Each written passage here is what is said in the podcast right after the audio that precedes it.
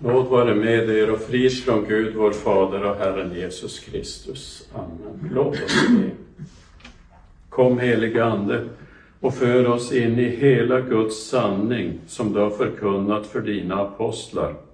Stärk vår tro på Kristus så att han blir förhärligad bland oss. Amen. I dagens evangelium så hörde vi Jesus trösta sina sorgsna lärjungar och han lovade att utrusta dem för deras uppdrag att gå ut i hela världen och, och förkunna evangelium för allt skapat. Jesus hade sagt att han skulle gå bort och lärjungarna blev så sorgsna över det att de kunde inte fokusera på ytterligare information, ytterligare undervisning. Och Jesus hade mycket mer att säga dem, men de orkade inte bära det. Jesus sa, därför ert bästa som jag går bort, för om jag inte går bort kommer inte hjälparen till er, men när jag går bort ska jag sända honom till er. Och det är hjälparen som skulle föra dem in i hela sanningen.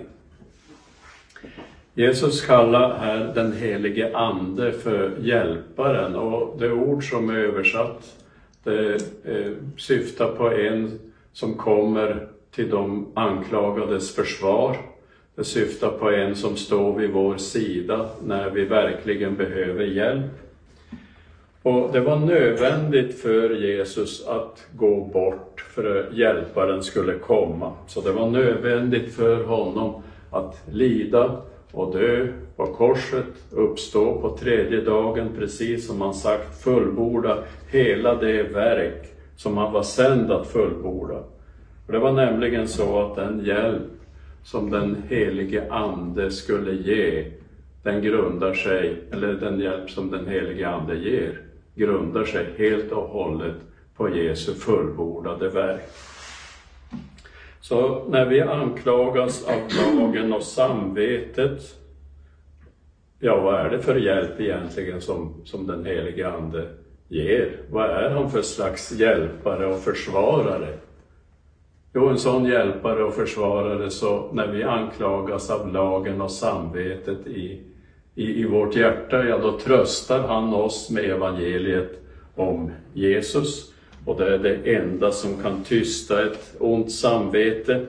För evangeliet förkunnar för oss att Jesus är försoningen för hela världens synd. Och då blir vi vissa om att han också är försoningen för våra synder. De gåvor som Anden ger syftar också till att göra oss skickliga att vittna om Jesus. Och genom evangeliet som vi förkunnar så verkar den helige Ande och övertygar människor om att Jesus har vunnit en rättfärdighet som gäller inför Gud åt oss. Så Anden övertygar människor om att Jesus dog i alla ställe för att rena oss från våra synder. Och utan den helige Ande så skulle ingen tro det. Utan den helige Ande så skulle ingen tro på Jesus. Utan den helige Ande skulle ingen komma till Jesus. Det är ju det vi bekänner i Lilla katekesen. Det är en underlig trosbekännelse egentligen. Jag tror att jag inte kan tro. Jag tror att jag inte av mitt eget förstånd eller egen kraft kan tro på Jesus Kristus, min Herre, eller komma till honom utan den helige Ande har kallat mig genom evangelium. Så eh, det är så att den heliga Andes hjälp är av sånt slag att det förutsätter Jesu fullbordade frälsningsverk. Den hjälp som Anden ger grundar sig helt och hållet på Jesu verk. Eh, Därför ert bästa som jag går bort, säger Jesus till lärjungarna, och de blir sorgsna över det. Eh, så sorgsna att de inte kan lyssna längre fast Jesus har mycket att säga dem. Och man kan tänka sig att de kände så när de hörde det. Det bästa är väl om du stannar kvar hos oss. Men eh, Hjälparens osynliga närvaro hos lärjungarna skulle bli en större välsignelse än Jesu synliga närvaro. Låter konstigt men historien visar att det blev så. När Jesus sa det här, då skulle snart eh, soldaterna komma och gripa honom i Getsemane. Vad hände då? Jo, lärjungarna blev så rädda att de flydde hals över huvud. Hals över huvud. Så eh, fast Jesus var där, fast Jesus var mitt ibland dem, så blev de så rädda och fega att de drog iväg. Fast de hade Jesus hos sig. Men när Hjälparen kom, då ser vi att då fick de ett annat mod. Så fast Petrus och Johannes blev fängslade och de blev pryglade och de blev strängt befallda att inte förkunna mer i Jesu namn. Så sa de till dem som försökte, som, som plågade dem och försökte förbjuda dem. Man måste lyda Gud mer än människor. Vi är vittnen till detta, vi och den helige Ande, som Gud har gett åt dem som lyder honom. Så nu gick de inte att tysta och de gick inte att skrämma. När apostlarna undervisade i Jesu namn så var det inte bara de som talade utan den helige Ande vittnade genom dem. Och nu är det ju inte bara apostlarna som har fått den helige Ande, utan vad säger Petrus? Gud har gett den helige Ande till alla som lyder honom. Så Anden ger också oss mod att vittna om Jesus, och inte bara mod. När vi vittnar om Jesus så är det inte tomma ord, utan Anden verkar genom evangelium som vi förkunnar. Och vad ska han då göra? Ja, Jesus säger, när han kommer ska han överbevisa världen om synd och rättfärdighet och dom. Så genom apostlarnas undervisning verkar den helige Ande och den helige Ande verkar än idag överallt där man framför apostlarnas undervisning klart och tydligt och oförfalskat. Och den helige Ande överbevisar än idag världen om synd, rättfärdighet och dom. Vad kan det betyda?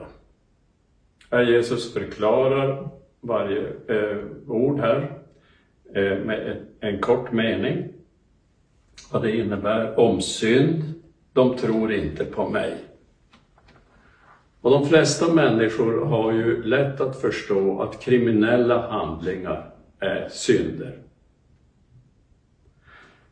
Men det är få som förstår att den synd som slutgiltigt leder till fördömelsen, det är otron. Ytterst så är det ju den enda synden som leder till fördömelsen. För genom tron så skulle de ju ha haft, tro på Jesus skulle de ha haft förlåtelse för allt. Så tänk här på rövaren på korset. För trons eh, genom tron på Jesus så hade han förlåtelse för allt. Han hade inget att visa upp inför Gud. Det här det är ju någonting som strider mot människans förnuft och därför behövs Andens överbevisning. Och Jesus sa också så här om rättfärdighet, jag går till Fadern och ni ser mig inte längre. Så Jesus skulle inte bli kvar i graven, han uppstod från de döda och han gick till Fadern. Och det var en bekräftelse. Genom Jesu uppståndelse så blir det dels bekräftat att han är en gudomlig person, han är Guds son. Det blir dels bekräftat att han har vunnit en rättfärdighet som gäller inför Gud åt oss. Och ingen blir förklarad rättfärdig inför Gud genom sina mer eller mindre lyckade försök att göra goda gärningar. Det finns ingen annan rättfärdighet som gäller inför Gud än den som Jesus har vunnit åt oss. Och det här är ju också någonting som förnuftet och människor har väldigt svårt att förstå och det krävs Andens överbevisning. Det är väl lätt att förstå, tänker vi. Jo, men den heliga Ande har fört oss till tro och genom tron förstår vi att det är så. Jesus sa också att anden skulle överbevisa världen om dom. Denna världens förste är dömd. Och denna världens förste, han som kallas en förste här, eh, är ju djävulen.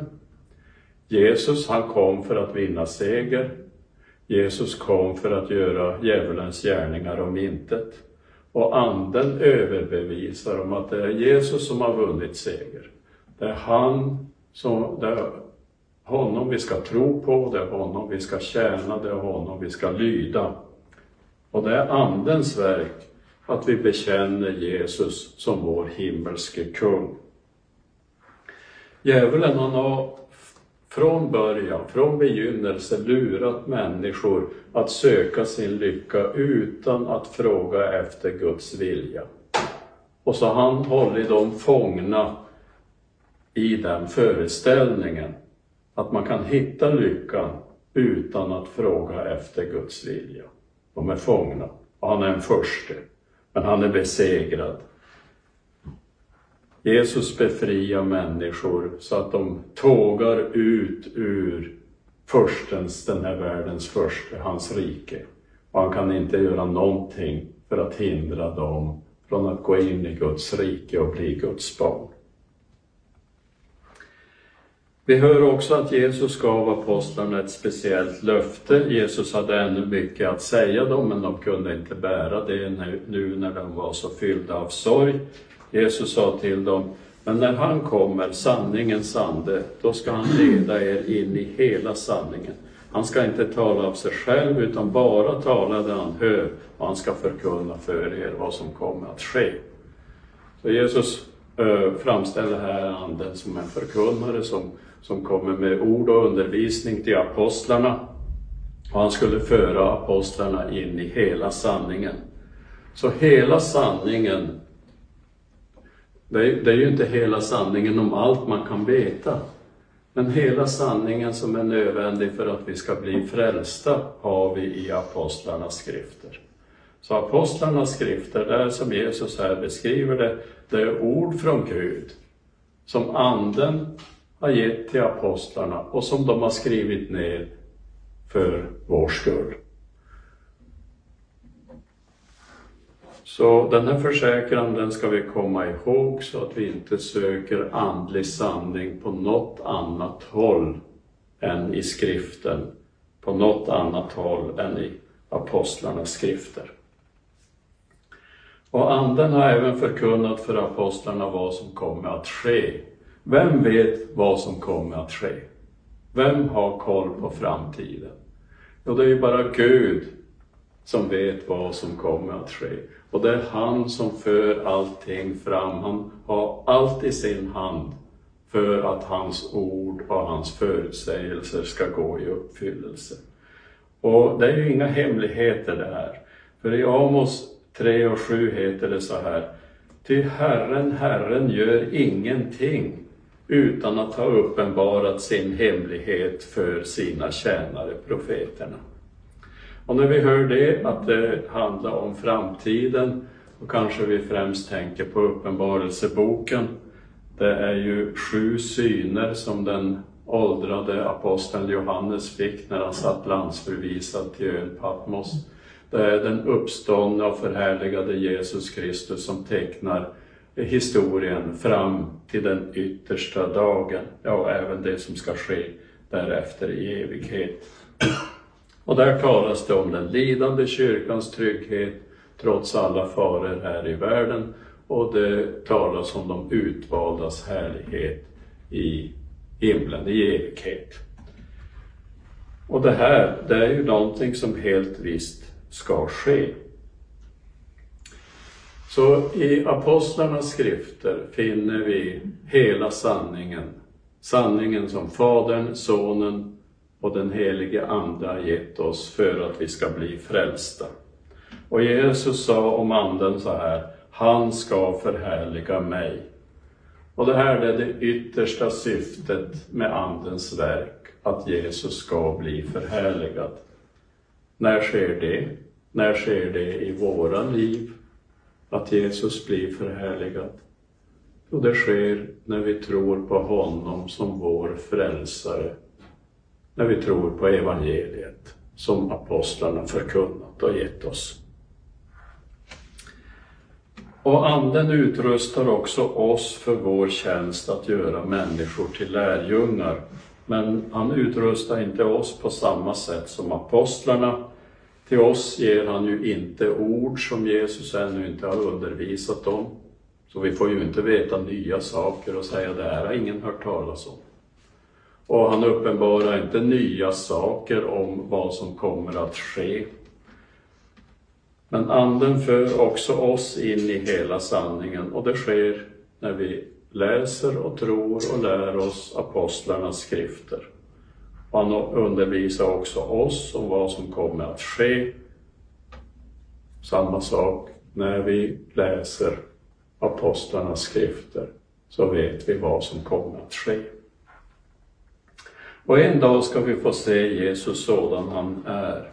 När Guds rike kommer i härlighet, då ska vi få se hans ansikte.